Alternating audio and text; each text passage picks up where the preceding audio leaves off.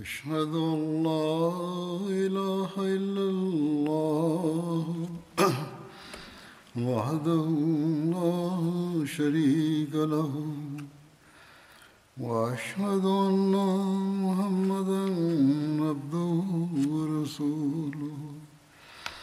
أما بعد فأعوذ بالله من الشيطان الرجيم. بسم الله الرحمن الرحيم. الحمد لله رب العالمين. الرحمن الرحيم.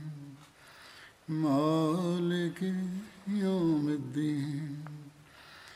إياك نعبد وإياك نستعين.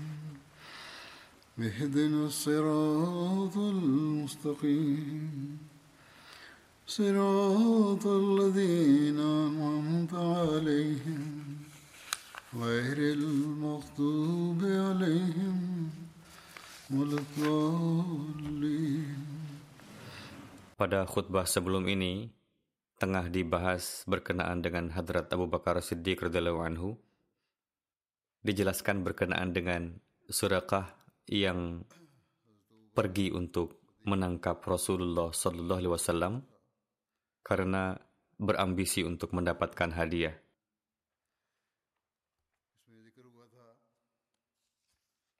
Namun ketika takdir ilahi menghambat rencananya itu,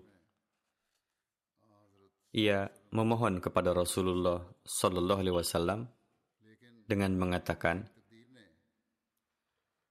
jika pemerintahan Anda sudah berdiri nanti, mohon berikan saya jaminan keamanan.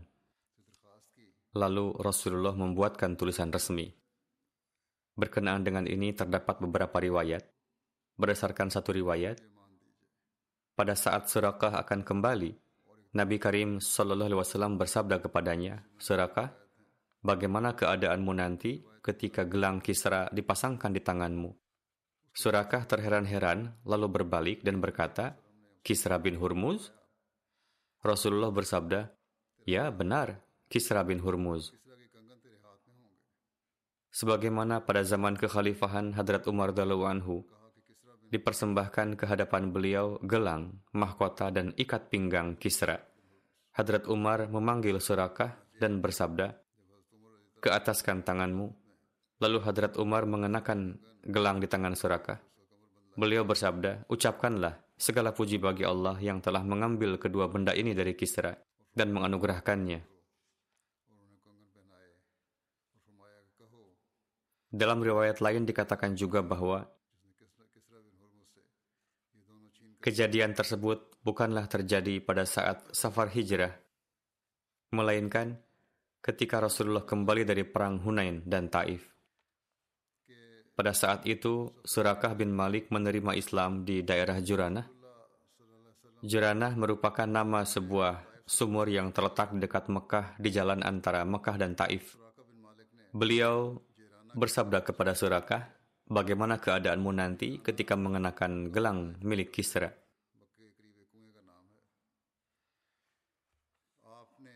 Berkenaan dengan hal ini, Hadrat Mirza Bashir Ahmad radhiallahu anhu menulis dalam Sirat Khatamun Nabiyyin sebagai berikut.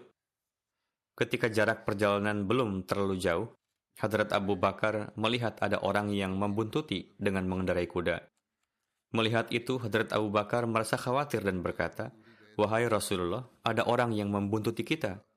Rasul bersabda, tidak perlu khawatir, Allah bersama kita.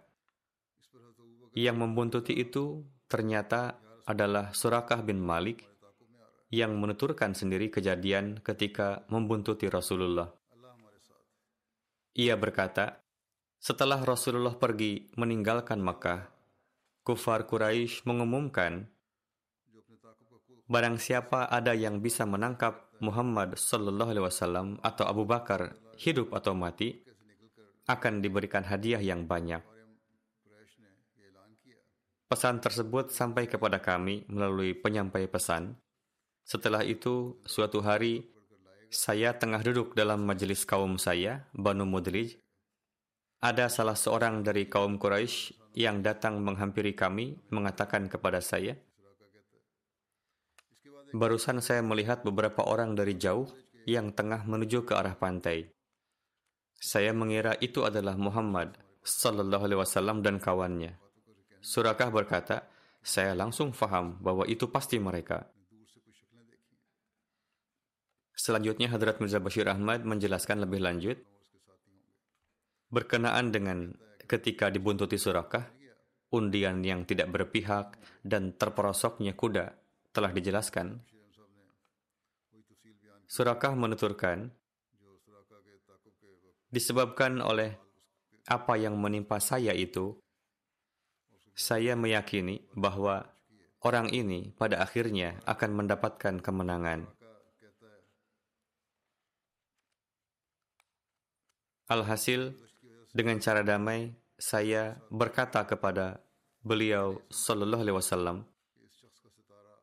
kaum Anda telah menetapkan hadiah yang begitu besar jika ada yang bisa membunuh atau menangkap Anda, sehingga orang-orang pun beriradah untuk itu. Saya pun datang dengan membawa iradah yang sama. Namun sekarang saya akan pulang.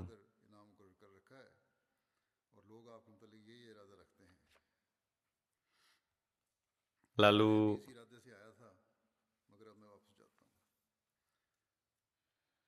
Surakah menjelaskan lebih lanjut.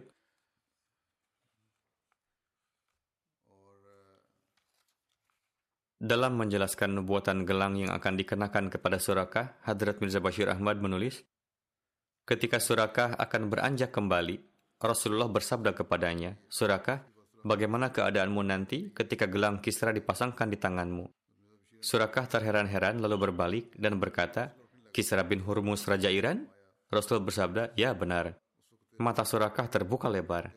Mungkinkah seorang badui gurun Arab mengenakan gelang milik Raja Iran?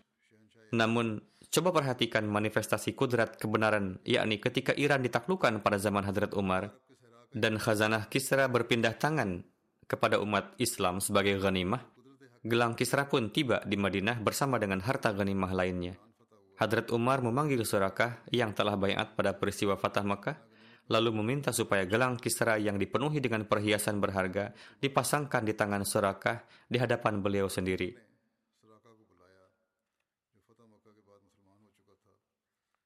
Dalam menjelaskan peristiwa tersebut, Hadrat Muslim Maud Anhu bersabda, penduduk Mekah mengumumkan Barang siapa yang berhasil menangkap Muhammad sallallahu alaihi wasallam atau Abu Bakar, maka akan dihadiahi 100 unta betina. Pengumuman tersebut disebarkan ke kabilah-kabilah sekitar Makkah. Lalu Surakah bin Malik, seorang pemuka Arab Badui, mengejar Rasulullah guna mendapatkan hadiah tersebut. Dalam pencarian tersebut, dia mendapati Rasulullah di jalan menuju Madinah. Ketika Surakah melihat dua unta dan pengendaranya, dan yakin bahwa mereka adalah Rasulullah dan kawannya, lalu ia mempercepat kudanya. Kemudian, Hadrat Muslim Ma'ud menjelaskan seluruh kejadian, yakni terperosoknya kuda dan undian yang tidak berpihak pada Surakah. Beliau radhiyallahu anhu bersabda, Surakah berkata, Rasulullah SAW terus mengendarai unta dengan penuh wibawa. Beliau Shallallahu Alaihi bahkan tidak menoleh untuk melihat saya. Namun Abu Bakar terus mengarahkan pandangannya ke arah saya karena khawatir jangan sampai saya melukai Rasulullah.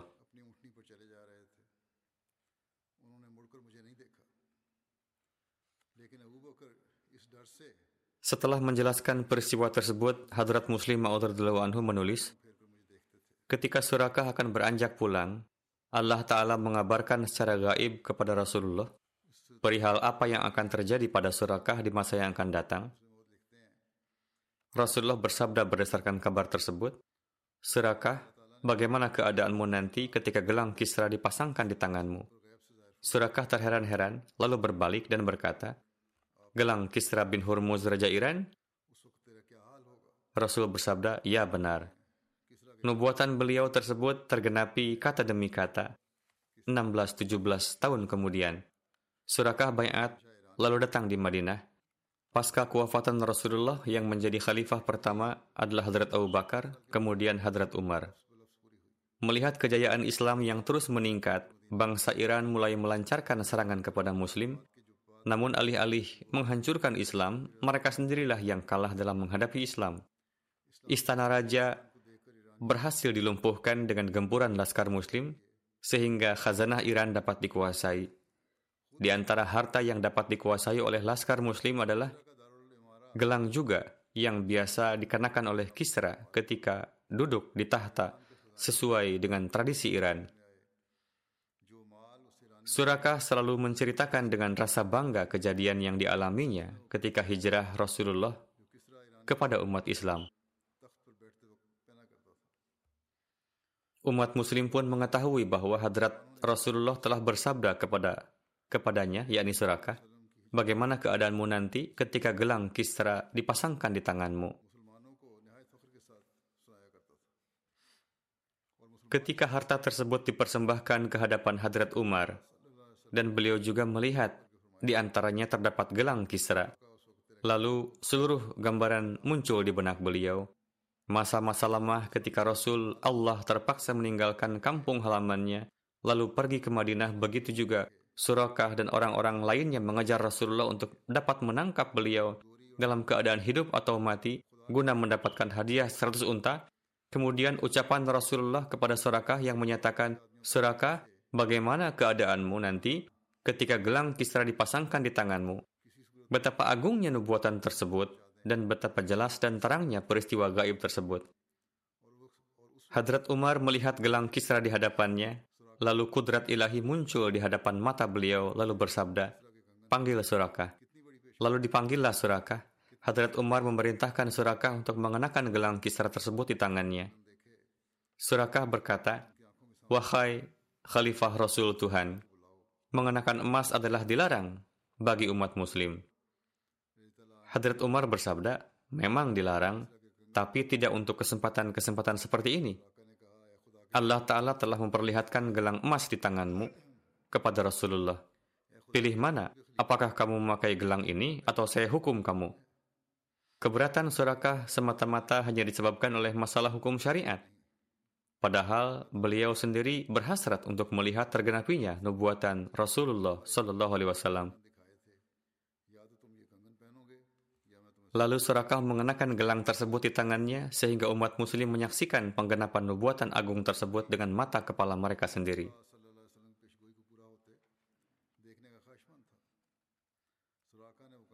Diriwayatkan juga bahwa dalam perjalanan pulang, ada kafilah Quraisy yang tengah memburu Rasulullah juga, bertanya kepada Suraka.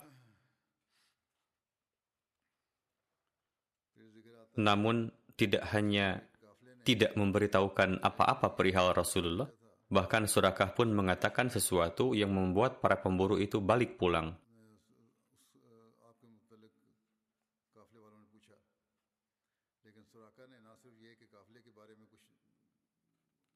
Dalam perjalanan hijrah tersebut, ada kisah Ummi Ma'bad. Selama perjalanan hijrah, kafilah Rasulullah melewati sebuah kemah lalu terhenti guna mencari perbekalan. Kemah itu adalah milik Ummi Ma'bad. Nama asli dari Ummi Ma'bad adalah Atikah binti Khalid. Berasal dari ranting Khuza'ah, Bani Ka'ab. Beliau adalah adik dari Hadrat Khubaish bin Khalid yang mendapatkan kemuliaan sebagai sahabat dan juga pernah meriwayatkan. Suami Ummi Ma'bad bernama Abu Ma'bad. Dikatakan bahwa beliau juga pernah meriwayatkan hadis dari Rasulullah. Beliau wafat pada masa kehidupan Rasulullah. Nama asli Abu Ma'bad tidak diketahui. Kemah Ummi Ma'bad berada di daerah Kudaid. Kudaid merupakan nama kampung di dekat Mekah yang berjarak beberapa mil dari Rabik, terletak di sebelah selatan. Di daerah itulah terdapat patung berhala terkenal bernama Manat. Penduduk Madinah dahulunya selalu menyembah patung tersebut. Umi Ma'bad adalah seorang wanita pemberani dan tangguh. Beliau biasa duduk-duduk di pekarangan kemahnya. Beliau biasa memberikan makan dan minum kepada orang-orang yang lewat di sekitar itu. Rasulullah dan kafilah beliau menanyakan perihal daging dan kurma kepada Umi Ma'bad untuk membelinya. Namun saat itu makanan tersebut tidak ada pada Umi Ma'bad. Pada masa itu, kaum Umi Ma'bad tengah ditimpa kemiskinan karena masa kekeringan. Umi Ma'bad berkata, jika seandainya saya memiliki sesuatu, maka saya tidak akan menyembunyikannya dari kalian. Kepada Rasulullah,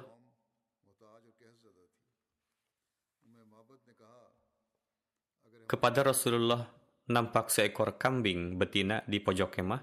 Rasul bertanya, Wahai Umi Mabad, bagaimana kondisi kambing ini? Umi Mabad berkata, kambing ini telah tertinggal dari kawan-kawannya disebabkan karena ia lemah. Yakni sama sekali tidak memiliki kekuatan untuk digembala bersama ternak lainnya.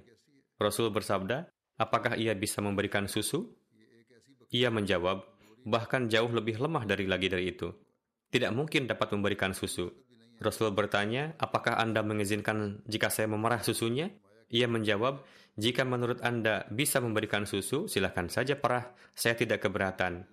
Lalu Rasulullah meminta agar kambing itu didekatkan, kemudian beliau mengusapkan tangan beliau di dadanya, lalu menyebut nama Allah Ta'ala dan berdoa untuk Ummi Ma'bad agar diberikan keberkatan pada kambingnya ini. Kambing tersebut berdiri dengan tenang di depan Rasulullah dan mengeluarkan banyak susu dan juga mulai makan. Lalu Rasul meminta sebuah wadah yang besarnya dapat mengenyangkan beberapa orang. Beliau memerah susu yang banyak hingga busanya sampai ke atas. Beliau meminta Umi Ma'bad untuk meminumnya hingga puas, lalu memberikannya juga kepada kawan-kawan beliau hingga puas, dan pada akhirnya beliau sendiri yang meminum susunya. Lalu beliau bersabda, pemberi minum suatu kaum minum pada urutan terakhir. Setelah selang beberapa saat, Rasulullah memarah susunya lagi ke dalam wadah tadi hingga penuh dan memberikannya kepada Ummi Ma'bad. Kemudian Rasulullah membeli kambingnya dan berangkat melanjutkan perjalanan. Tertulis bahwa di satu sisi pertolongan Allah Ta'ala menyertai Nabi Akram Sallallahu Alaihi Wasallam dan teman safar beliau yang rela mengorbankan segalanya demi beliau, yakni Hadrat Abu Bakar, dengan kata lain, mereka melakukan perjalanan di bawah naungan para malaikat pelindung. Sementara di sisi lain, seolah-olah penduduk Mekah masih belum menyerah. Mereka terus-menerus memburu beliau sebagaimana ketika satu grup Quraisy mencari-cari Rasulullah, mereka tiba di kemah Ummi Ma'bad, lalu turun dari kendaraan mereka dan langsung menanyakan perihal Rasulullah. Ummi Ma'bad berpikir sejenak dan berkata, Kalian menanyakan sesuatu yang saya tidak pernah mendengarnya dan tidak juga faham apa yang kalian inginkan.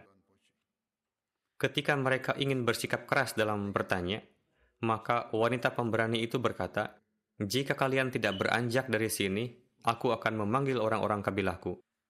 Mereka mengenal kedudukan wanita tersebut sehingga memilih untuk kembali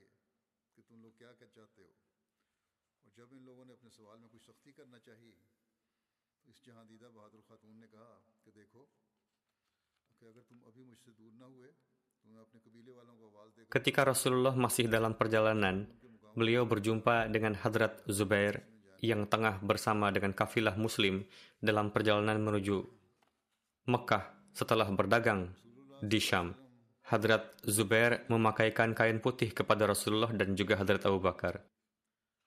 Dalam menjelaskan pertemuan tersebut, Hadrat Mirza Bashir Ahmad radhiyallahu anhu menulis, di tengah jalan, Hadrat Rasulullah berjumpa dengan Hadrat Zubair bin Al-Awwam yang tengah bersama dengan kafilah kecil Muslim dalam perjalanan pulang ke Mekah setelah berdagang di Syam, Hadrat Zubair memakaikan sepasang kain putih kepada Rasulullah dan Hadrat Abu Bakar, lalu berkata, saya akan segera menyusul ke Madinah dari Mekah nanti.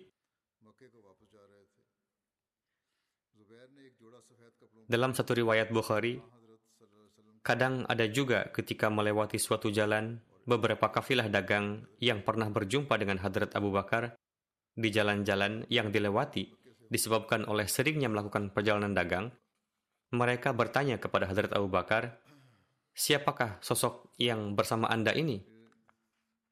Maka Hadrat Abu Bakar menjawab, beliau adalah sosok penuntun jalan untuk saya. hadza rajulun yahdini as-sabil.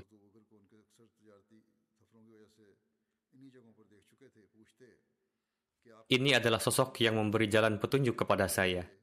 Orang-orang menganggap Rasulullah sebagai penunjuk jalan, yakni guide.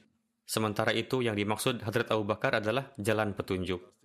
Terkait hal ini, Hadrat Mirza Bashir Ahmad Sahib menulis, Hadrat Abu Bakar yang berprofesi sebagai saudagar telah berkali-kali melewati jalan tersebut. Oleh karena itu, banyak orang yang saat itu mengenali beliau, namun mereka tidak mengenal Rasulullah. Oleh karena itu, mereka bertanya kepada Hadrat Abu Bakar, siapakah orang yang ada di hadapan beliau? Hadrat Abu Bakar bersabda, Hadza yahdinis sabil. Ini adalah sosok hadi, yakni pemberi petunjuk bagi saya.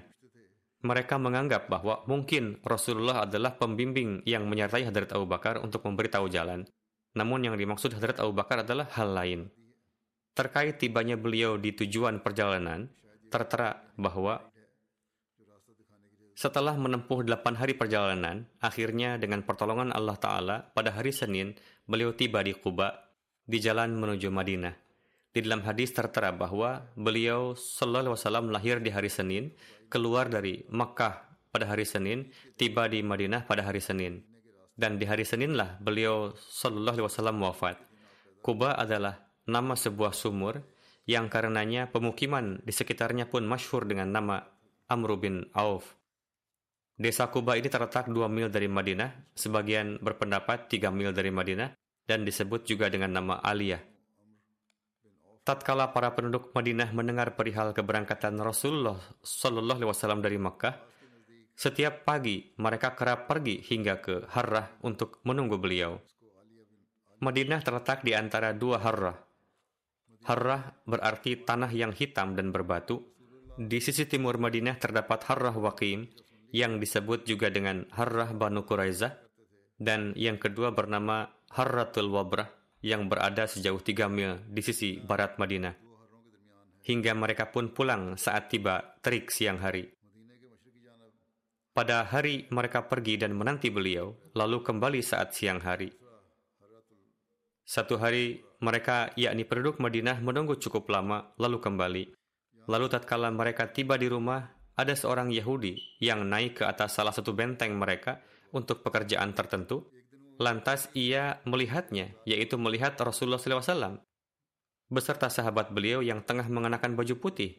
Ketika Fata Morgana berangsur lenyap dari pandangannya, orang Yahudi itu tidak sanggup lagi menahan diri dan menyeru dengan lantang, Wahai orang-orang Arab, itu adalah pemimpin kalian yang senantiasa, yang senantiasa kalian nantikan.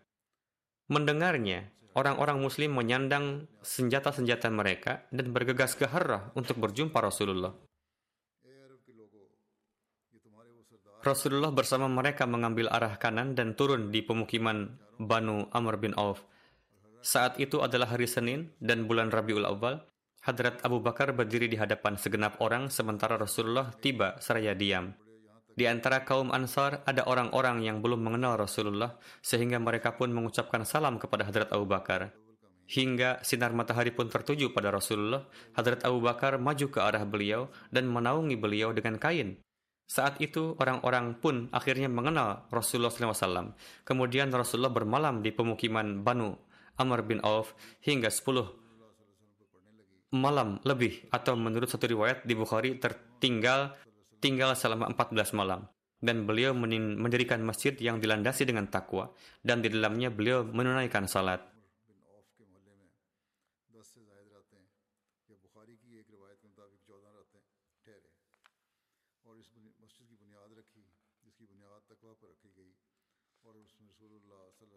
Menurut riwayat Bukhari tersebut, Rasulullah SAW bermukim di Kuba selama 10 malam lebih. Menurut riwayat lain, Rasulullah tinggal selama empat hari, yaitu Senin, Selasa, Rabu, dan Kamis di Banu Amr bin Auf, yakni di Kuba.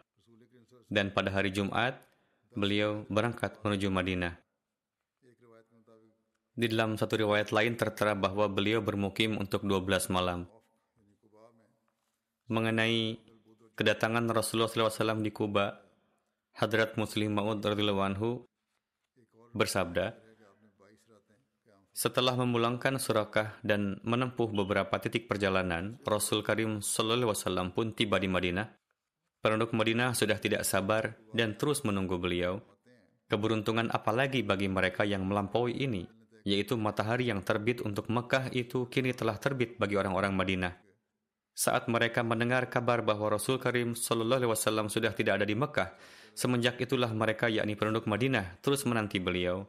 Setiap harinya kafilah mereka berangkat keluar hingga beberapa mil jauhnya untuk mencari beliau dan kembali lagi di waktu sore dengan kecewa. Tatkala Rasulullah tiba di dekat Madinah, pertama-tama beliau memutuskan untuk bermukim di Kuba, satu desa di dekat Madinah. Ada seorang Yahudi yang melihat unta beliau dan beranggapan bahwa ini merupakan kafilah Muhammad Rasulullah Sallallahu Alaihi Wasallam.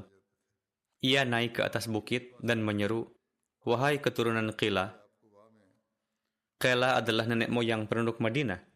Jadi orang-orang Madinah pun disebut dengan keturunan Qila. Selanjutnya ia mengatakan bahwa sosok yang kalian nantikan itu telah datang. Seketika mendengar suara itu, setiap orang di Madinah berlari menuju Kuba.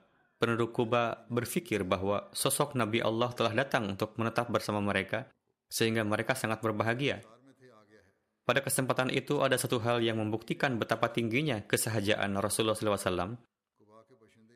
Sebagian besar penduduk Madinah belum mengenal wajah beliau tatkala Rasulullah ada di luar Kuba dan tengah duduk di bawah satu pohon, sementara orang-orang Madinah berlari-lari untuk mendatangi beliau. Karena Rasulullah yang saat itu tengah duduk dengan penuh kesahajaan, maka beberapa di antara mereka yang tidak mengenal beliau setelah melihat Hadrat Abu Bakar, meskipun Hadrat Abu Bakar lebih muda, namun janggut beliau sudah memutih dan pakaian yang beliau kenakan tampak lebih baik dari Rasulullah, maka mereka menganggap bahwa Abu Bakarlah Rasulullah itu. Dan mereka duduk di hadapan beliau dengan segala hormat. Tatkala Hadrat Abu Bakar melihat hal ini, ia faham bahwa mereka telah keliru Beliau dengan segera membentangkan kain dan membelakangi sinar matahari seraya berkata, Wahai Rasulullah, Tuhan tengah terkena terik matahari, saya akan menaungi Tuhan. Dengan cara tidak langsung ini, beliau telah menampakkan kepada mereka kekeliruan mereka itu. Seraya menjelaskan peristiwa itu secara rinci, Hadrat Mirza Bashir Ahmad Sahib menulis satu riwayat dari Sahih Bukhari. Beliau bersabda, di dalam Bukhari diriwayatkan oleh Bara bin Arib kegembiraan seperti yang dialami oleh golongan Ansar pada waktu kedatangan Rasulullah di Madinah tidak pernah saya lihat pada kesempatan mana pun juga. Tirmidzi dan Ibnu Majah mencantumkan riwayat dari Anas bin Malik di mana beliau bersabda, tatkala Rasulullah tiba di Madinah, kami merasa bahwa Madinah telah terang benderang untuk kita. Dan tatkala beliau wafat, maka tidak tampak bagi kami ada hari yang lebih gelap gulita lagi di Madinah dari hari itu. Setelah bertemu dengan mereka yang menyambut Rasulullah atas dasar pemikiran tertentu, karena hal ini tidak dirinci di dalam sejarah, beliau tidak langsung masuk ke kota Madinah, namun beliau menuju ke arah kanan, di daerah pemukiman atas Madinah, yaitu tempat bernama Kuba yang beranjak dua setengah mil dari pusat kota Madinah. Di tempat ini tinggal beberapa keluarga dari golongan Ansar, di mana di antara mereka yang terpandang adalah keluarga Amru bin Auf, yang pada masa itu dipimpin oleh Kulsum bin Al-Hidam. Kaum Ansar di Kuba menerima beliau dengan sangat sukacita dan beliau bermukim di kediaman Kulsum bin Al-Hidam. Golongan muhajirin yang tiba di Madinah sebelum beliau SAW pun sebagian besar saat itu bermukim di kediaman Kulsum bin Al-Hidam. Dan di beberapa tokoh Ansar lainnya. Tampaknya inilah alasan mengapa beliau pertama-tama memilih untuk bermukim di Kuba. Dengan segera kabar kedatangan beliau pun telah menyebar di seluruh kota Madinah dan segenap muslim mulai datang berduyun-duyun berduyun-duyun dengan gejolak sukacita menuju ke tempat kediaman beliau. Mengenai berdirinya Masjid Kuba, tertera bahwa di saat Rasul Karim Shallallahu Alaihi Wasallam bermukim di Kuba, Beliau pun mendirikan satu masjid yang bernama Masjid Kuba. Tertera di Sahih Bukhari bahwa Rasulullah bermukim selama lebih dari 10 malam di pemukiman Banu Amr bin Auf dan beliau mendirikan suatu masjid yang dilandasi atas ketakwaan dan Rasulullah menunaikan salat di dalamnya. Di dalam riwayat tertera bahwa Rasulullah mendirikan pondasi masjid untuk Banu Amr bin Auf. Tatkala beliau meletakkan pondasinya, maka pertama-tama beliau meletakkan satu batu di sisi arah kiblat. Lalu Hadrat Abu Bakar mengambil satu batu dan meletakkannya. Lalu Hadrat Umar mengambil satu batu dan meletakkannya di dekat batu yang diletakkan Hadrat Abu Bakar. Lalu segenap orang pun sibuk dalam membangun masjid tersebut. Ketika pembangunan Masjid Kuba berlangsung, Nabi Karim Shallallahu Alaihi Wasallam mengangkat satu batu yang beliau lekatkan dengan perut beliau. Itu adalah batu yang sangat berat. Lalu beliau meletakkannya. Ada seorang yang datang dan ingin mengangkatnya, namun ia tidak sanggup mengangkatnya. Atas hal ini, Rasulullah memerintahkan untuk membiarkannya dan bersabda agar diambilkan batu yang lain. Tentang Masjid Kuba, tertera bahwa inilah masjid yang saat itu dibangun atas landasan takwa. Namun dalam riwayat yang lain tertera bahwa Masjid Nabawilah yang dimaksud telah didirikan di atas landasan takwa itu. Di dalam sirat Halabiyah, tertera bahwa kedua riwayat tersebut tidaklah saling bertentangan karena masjid-masjid tersebut keduanya telah didirikan atas dasar takwa. Hal ini dikuatkan dengan pernyataan Hadrat Ibnu Abbas radhiyallahu anhuma di dalam riwayat Hadrat Ibnu Abbas berpendapat bahwa seluruh masjid di Madinah yang di dalamnya pun termasuk Masjid Kuba adalah telah didirikan di atas dasar ketakwaan.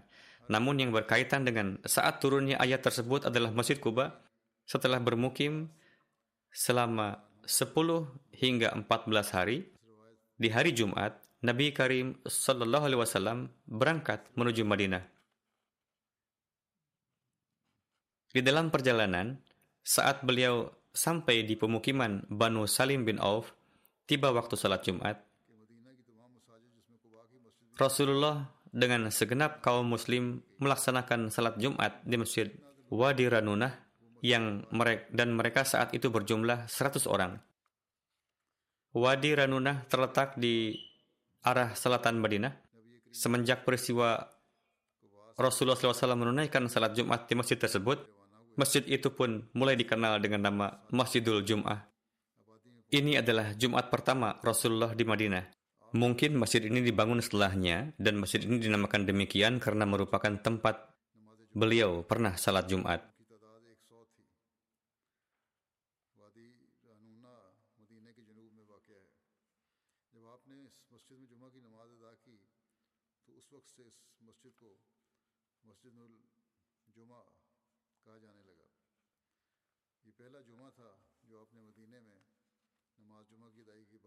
Kemudian tertera bahwa setelah menunaikan salat Jumat, Rasulullah berangkat ke Madinah dengan mengendarai unta. Saat itu beliau meminta Hadrat Abu Bakar untuk duduk di belakang beliau. Karena tamak akan imbalan, banyak orang yang berupaya mengejar Rasulullah SAW. Di dalam buku-buku sejarah tertera satu peristiwa. Buraidah bin Husayb menerangkan, Tatkala kaum Quraisy telah menetapkan imbalan sebesar 100 unta bagi yang dapat menangkap Nabi Karim Sallallahu Alaihi Wasallam baik hidup maupun mati, maka sikap tamak pun membuat saya tertarik untuk melakukannya. Maka saya keluar bersama 70 orang dari Banu Saham dan bertemu dengan beliau. Rasulullah bertanya, siapa Anda? Saya menjawab, Buraidah. Mendengarnya, Rasulullah menengok kepada Hadrat Abu Bakar dan bersabda, Wahai Abu Bakar, masalah kita telah reda dan usai. Maka Rasulullah bertanya, Dari kabilah manakah Anda? Saya menjawab, dari kabilah Aslam. Beliau bersabda, Semoga keselamatan selalu menyertaimu. Lalu bertanya, dari keturunan siapa? Saya menjawab, dari Banu Saham. Beliau bersabda, Wahai Abu Bakar, saham Anda, yakni nasib baik Anda telah datang. Lalu Buraidah bertanya kepada Nabi Karim Wasallam, Siapakah Anda? Rasulullah bersabda, Saya adalah Muhammad bin Abdullah, utusan Allah. Mendengarnya, Buraidah berkata, Aku bersaksi bahwa tidak ada yang patut disembah selain Allah dan Muhammad adalah hambanya dan utusannya. Maka Buraidah pun dengan segenap orang yang bersamanya memeluk Islam. Buraidah berkata, segala puji hanya bagi Allah Ta'ala. Banu Saham telah menerima Islam dengan hati yang senang dan tanpa paksaan apa pun. Tatkala pagi tiba, Buraidah berkata, Wahai Rasulullah, hendaknya Anda masuk ke Madinah bersama suatu bendera. Lalu ia menanggalkan turbannya dan mengaitkannya di tombak miliknya dan berjalan di depan beliau hingga kaum muslim pun masuk ke Madinah. Di dalam Sahih Bukhari tentang peristiwa sampainya Rasulullah di Madinah diriwayatkan oleh Hadrat Anas bin Malik bahwa saat Nabi Karim Sallallahu Alaihi Wasallam tiba di Madinah, beliau turun di satu kabilah di bagian atas Madinah yang bernama Banu Amr bin Auf Rasulullah bermukim selama 14 hari, lalu beliau mengirim pesan damai ke Banu Najjar. Mereka datang seraya menyandang pedang, dan peristiwa ini sedemikian rupa saya mengingatnya, seolah sekarang pun saya tengah melihat Rasulullah di atas tunggangan beliau, sementara Hadrat Abu Bakar duduk di belakang beliau, dan orang-orang Banu Najjar ada di sekeliling beliau. Pada akhirnya, beliau berhenti di pekarangan rumah Hadrat Abu Ayyub. Dalam menjelaskan keadaan ini, Hadrat Mirza Bashir Ahmad Sahib menulis,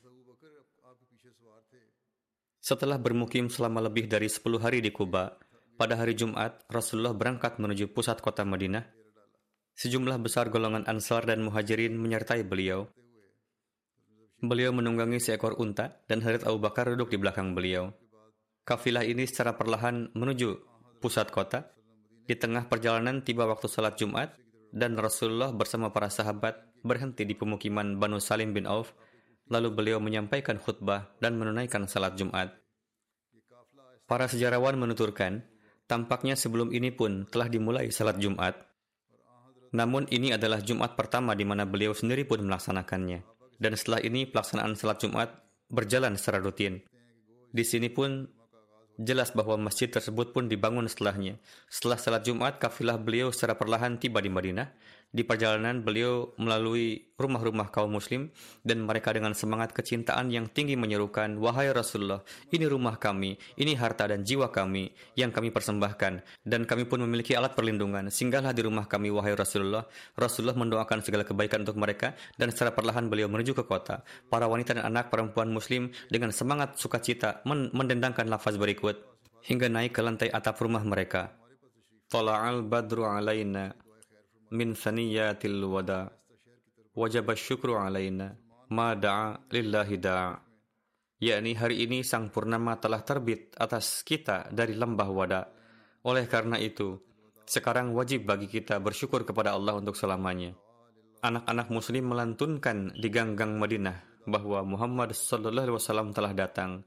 Rasul Allah telah tiba para budak Habsyi Madinah menunjukkan keterampilan pedang mereka dengan kegembiraan akan kedatangan Rasulullah. Ketika Rasulullah memasuki kota, setiap orang berkeinginan supaya Rasulullah tinggal bersama mereka, dan setiap orang berlomba-lomba mempersembahkan pengkhidmatan mereka. Rasulullah menyampaikan kata-kata cinta kepada semua orang dan terus berjalan hingga unta betina beliau sampai di kawasan Banu Najjar. Di tempat tersebut orang-orang Banu Najjar dengan membawa senjata berdiri dalam barisan untuk menyambut beliau dan para gadis dari kabilah tersebut menabuh rebana seraya membaca syair berikut ini. Nahnu jawari min bani Najjar, ya habadha Muhammad min minjar. Yakni kami para gadis kabilah Bani Najjar dan betapa beruntungnya kami bahwa Muhammad sallallahu alaihi wasallam datang untuk tinggal di lingkungan kami.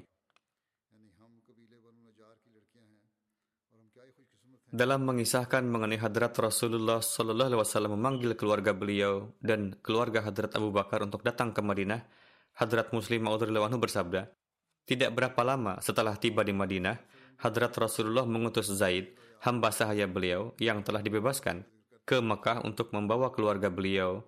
Karena orang-orang Mekah cukup syok dengan hijrah yang mendadak ini, maka rangkaian penganiayaan berhenti untuk beberapa waktu dan disebabkan perasaan syok ini mereka tidak merintangi keluarga Rasulullah dan Hadrat Abu Bakar untuk meninggalkan Mekah dan mereka sampai ke Madinah dengan selamat.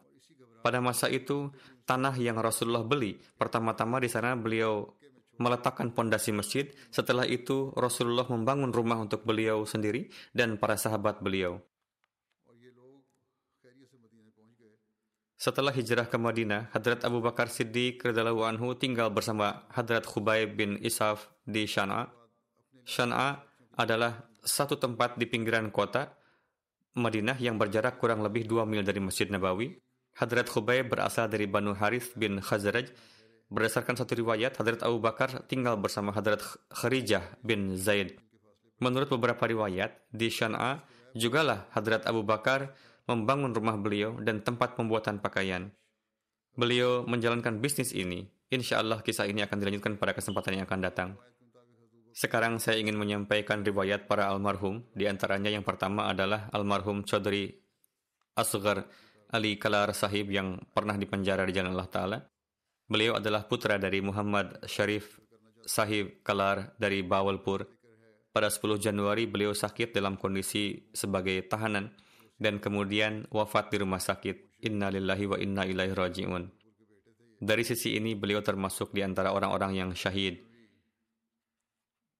Rinciannya adalah pada 24 September 2021, secara tiba-tiba kepada beliau dilayangkan dakwaan pasal 295C mengenai penistaan agama.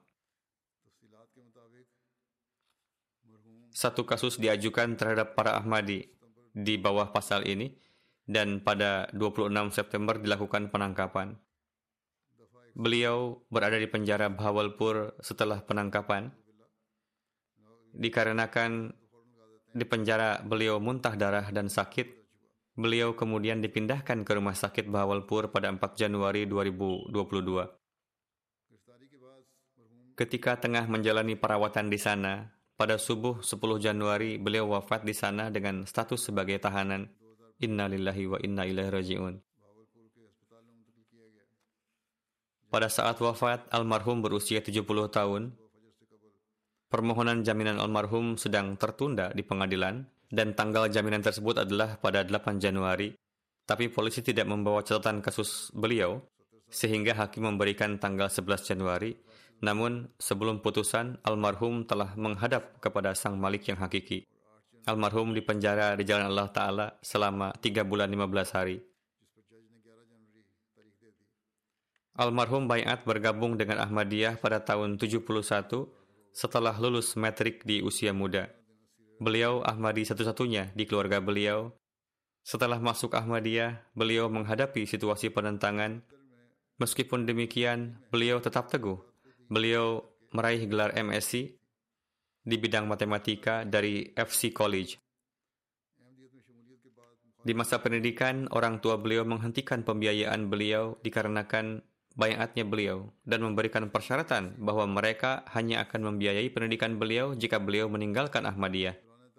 Meskipun demikian, almarhum tetap teguh dan membiayai pendidikan beliau sendiri dengan mengajar pelajaran untuk anak-anak. Meskipun demikian, ayah almarhum belakangan meninggalkan penentangan karena terkesan dengan keteguhan dan ketakwaan almarhum dan mengingat kekhawatiran bahwa anak Ahmadi akan kehilangan harta milik ayah non-Ahmadi, beliau di masa hidupnya mengalihkan sebagian dari hartanya menjadi atas nama almarhum. Ini adalah kebaikan yang ayahanda beliau lakukan kepada beliau.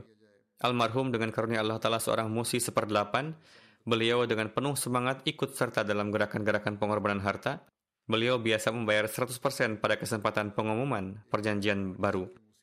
Beliau seorang yang sangat mencintai khilafat Ahmadiyah. Beliau sangat menonjol dalam hal menghormati dan menghormati wakifin zindagi dan tamu-tamu dari markas. Beliau selalu memberikan mobil beliau untuk program-program kunjungan jemaat. Beliau gemar bertablik. Beliau seorang da'i ilallah yang bersemangat dan pemberani. Allah telah memberikan taufik kepada beberapa orang yang berfitrat baik untuk bergabung dengan Ahmadiyah melalui perantaraan almarhum.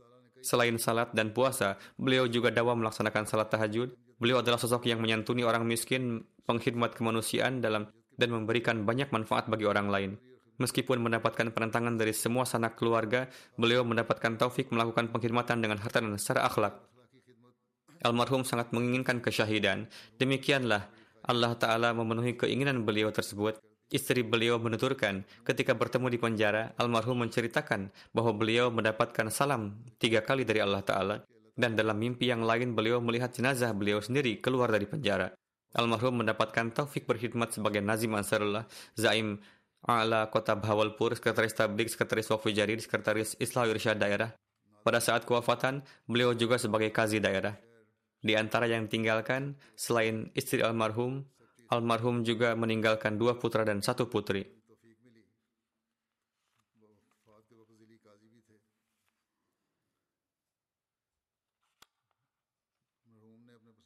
Seorang putra beliau berada di luar negeri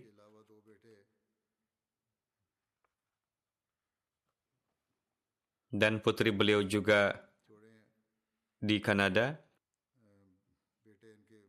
Semoga Allah telah memberikan magfirah dan rahmat kepada Asghar Ali Kalar Sahib, meninggikan rakyat beliau, menganugerahkan kesabaran kepada yang ditinggalkan, dan memberikan taufik untuk dapat mengikuti jejak langkah beliau.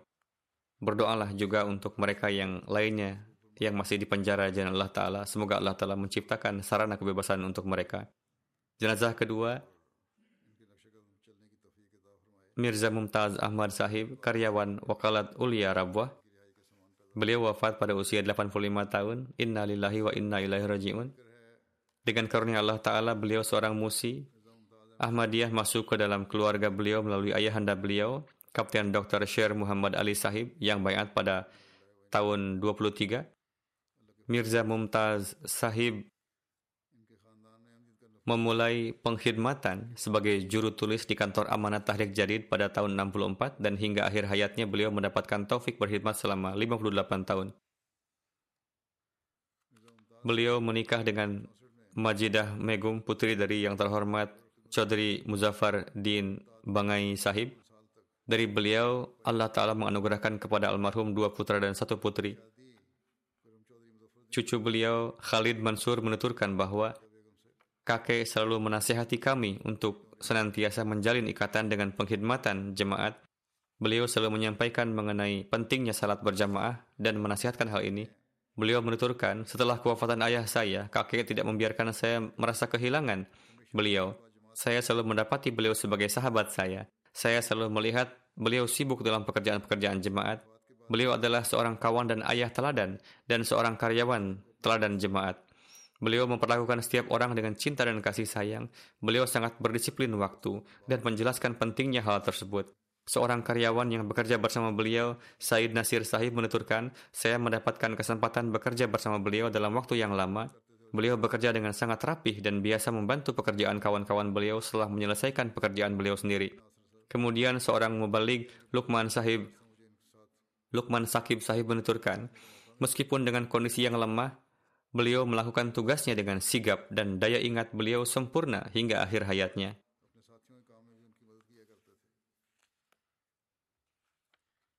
Beliau dapat dengan cepat memberitahukan mengenai suatu perkara yang sudah berlalu bertahun-tahun bahwa perkara tersebut tersimpan di file ini dan di tempat ini. Beliau periang dan senang bercanda, namun membual dan membicarakan hal-hal yang sia-sia bukanlah sifat beliau. Beliau biasa menghemat waktu untuk menyelesaikan pekerjaannya duduk di kursi, mengambil file lama di kantor dan mulai membacanya. Dr. Sultan Mubashir juga menulis mengenai berkenaan dengan beliau bahwa beliau seorang yang sangat rendah hati. Meskipun beliau seorang karyawan senior, ketika datang ke rumah sakit, beliau biasa menunggu gilirannya dan tidak menunjukkan sikap terburu-buru. Selalu bersyukur adalah satu keistimewaan beliau Beliau juga seorang yang sangat penyabar. Meskipun sakit dalam waktu yang lama, beliau tidak pernah menunjukkan ketidaksabaran. Beliau tidak memiliki banyak lingkaran pertemanan. Selain beberapa teman kantor, saya juga selalu melihat bahwa beliau seorang yang pendiam dan hanya bersama beberapa orang teman dan aktivitas beliau hanya pergi dari rumah ke kantor, lalu dari kantor pulang ke rumah. Namun beliau menjalani usia beliau dengan bekerja keras penuh keikhlasan dan kesetiaan. Semoga Allah telah memberikan magfirah dan rahmat kepada beliau serta memberikan taufik kepada anak keturunan beliau untuk dapat meneruskan kebaikan-kebaikan beliau. Jenazah selanjutnya, Kolonel Pensiunan Dr. Abdul Khalik Sahib mantan administrator Fazli Umar Hospital. Beliau wafat beberapa hari yang lalu di usia 97 tahun. Inna lillahi wa inna ilaihi raji'un. Dengan karunia Allah Ta'ala, beliau seorang musi. Ahmadiyah masuk ke dalam keluarga beliau melalui ayahanda beliau, Mia Muhammad Alim Sahib yang bayat pada tahun 19. Sedangkan putra-putra beliau termasuk Dr. Abdul Khalik bayat pada tahun 38.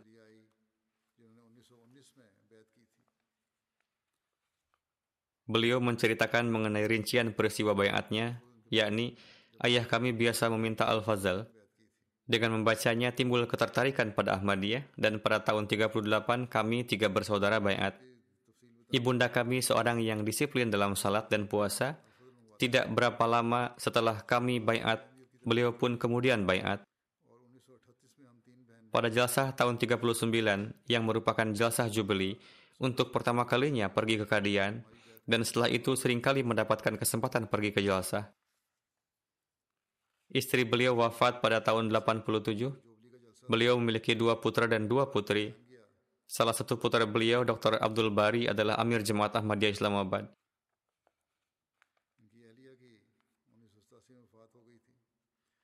Pada tahun 74, ketika pemerintah Bhutto menyetujui undang-undang yang zalim yang menetapkan para Ahmadi sebagai non-Muslim, maka Dr. Sahib mengundurkan diri dari pekerjaan dinas di pemerintahan dan mempersembahkan dirinya untuk berkhidmat di bawah skema Nusrat Jahan. Beliau dikirim oleh jemaat ke Sierra Leone pada tahun 77, di mana beliau mendapatkan taufik mengkhidmati kemanusiaan selama tiga tahun. Kemudian pada tahun 92, PIA, Pakistan International Airlines, memulai penerbangan ke Tashkent maka Dr. Sahib menganggap ini sebagai suatu kesempatan yang tepat dan mengajukan permohonan wakaf arzi di Tashkent dan Uzbekistan. Pusat menyetujui permohonan ini, beliau bersama adik perempuan beliau menjalani hari-hari sebagai wakaf arzi di Samarkand dan Bukhara dan di masa itu beliau juga banyak melakukan pengkhidmatan kemanusiaan. Beliau juga mendapatkan kemuliaan menyampaikan pesan Ahmadiyah pada tahun 94, Hadrat Khalifatul Masih Ar-Rabi rahimahullah menetapkan beliau sebagai administrator di Fazli Umar Hospital Rabwah, di mana beliau mendapatkan taufik berkhidmat hingga tahun 2005 selama kurang lebih 11 tahun. Di masa beliau, beberapa rencana pembangunan dan perluasan di Fazli Umar Hospital diselesaikan. Kemudian seorang putra beliau menulis mengenai beliau Meskipun telah berusia 80-81 tahun, semangat pengkhidmatan beliau layaknya masih seorang pemuda. Namun, beliau menyadari bahwa beliau telah semakin sepuh. Oleh karena itu, pada tahun 2005 beliau mengajukan permohonan pensiun kepada saya. Maka beliau pensiun dari sana dan pindah ke Islamabad. Di Islamabad juga beliau berkhidmat sebagai kazi lokal. Putra sulung beliau, Dr. Abdul Bari, menuturkan, beliau setiap saat selalu memikirkan terbiat akhlak dan keagamaan anak-anak. Beliau selalu sibuk menelawatkan Al-Quran pada pagi, sore, dan setiap waktu. Ini adalah aktivitas favorit beliau. Dalam urusan-urusan penting, beliau mengambil keputusan berdasarkan Al-Quran menantu beliau, Dr. Muzaffar Ali Nasir yang juga adalah naib amir daerah Wahchand menuturkan, hingga hari ini saya tidak melihat seorang seseorang menilawatkan Al-Quran sebanyak itu sepanjang hari. Beliau mencintai Al-Quran. Suatu kali setelah beliau men selesai menjalani pengobatan di rumah sakit, para staf merasa sedih. Yakni siapa sekarang yang akan memperdengarkan Al-Quran kepada kami. Kedawaman beliau dalam tahajud baik di musim dingin maupun panas adalah satu teladan bagi kami. Beliau memiliki kecintaan yang mendalam kepada khilafat dan jemaat. Beliau sangat sederhana dan tidak pernah mengeluh. Cucu saudara laki-laki beliau, Abdul Somad Razafi, menulis, Beliau menanggung segala kesulitan demi keridaan Allah Ta'ala. Beliau mengabaikan kesenangan-kesenangan pribadi beliau. Beliau menuturkan, saya mendapatkan kesempatan beberapa kali menginap di Rabuah. Bagi saya, wujud beliau menjadi sarana untuk mengenali Tuhan yang hidup. Salat tahajudnya tak tertandingi. Rasa hormat dan cinta kepada Khalil Khilafat telah merasuk ke dalam diri beliau yang mana menjadi sarana terbiat terbaik bagi kami. Dr. Abdul Khalik yang berkhidmat di Fazli Umar Hospital menuturkan, Dr. Sahib memperlakukan para dokter muda di rumah sakit dengan kasih sayang dan menarik perhatian para dokter senior bahwa hendaknya berikanlah perhatian khusus pada training dokter junior. Beliau mengawasi dan menjaga uang rumah sakit dengan penuh kejujuran. Beliau biasa membantu orang-orang miskin dan membutuhkan dari saku beliau pribadi. Dr. Muhammad Ahmad Ashraf menuturkan, beliau sosok yang penyabar, sangat penuh kelemah lembutan dan rasa persaudaraan. Beliau tidak banyak bicara, namun dari segi administrasi beliau sangat memperhatikan detail-detail ke kecil dan senantiasa mematuhi kaidah-kaidah. Beliau juga menghimbau dokter-dokter lain untuk melakukan wakaf arzi di Fazli Umar Hospital. Beliau juga menyarankan ini kepada menantu dan putra-putranya.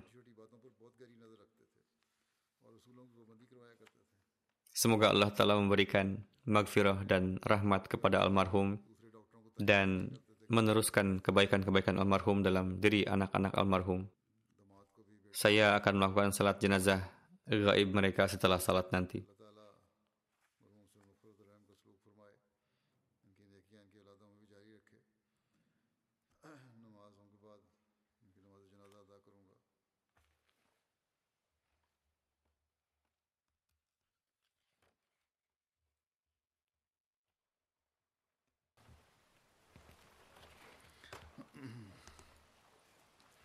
الحمد لله الحمد لله نحمده ونستعينه ونستغفره ونؤمن به ونتوكل عليه. ونعوذ بالله من شرور أنفسنا ومن سيئات أعمالنا. من يهده الله فلا مضل له ومن يضلل فلا هادي له. ونشهد أن لا إله إلا الله. ونشهد أن محمدا عبده ورسوله. عباد الله رحمكم الله. إن الله يأمر بالعدل واللسان وإيتاء ذي القربى وينهى عن الفحشاء والمنكر والبغي يعظكم لعلكم تذكرون. اذكروا الله يذكركم وادعوه يستجب لكم ولذكر الله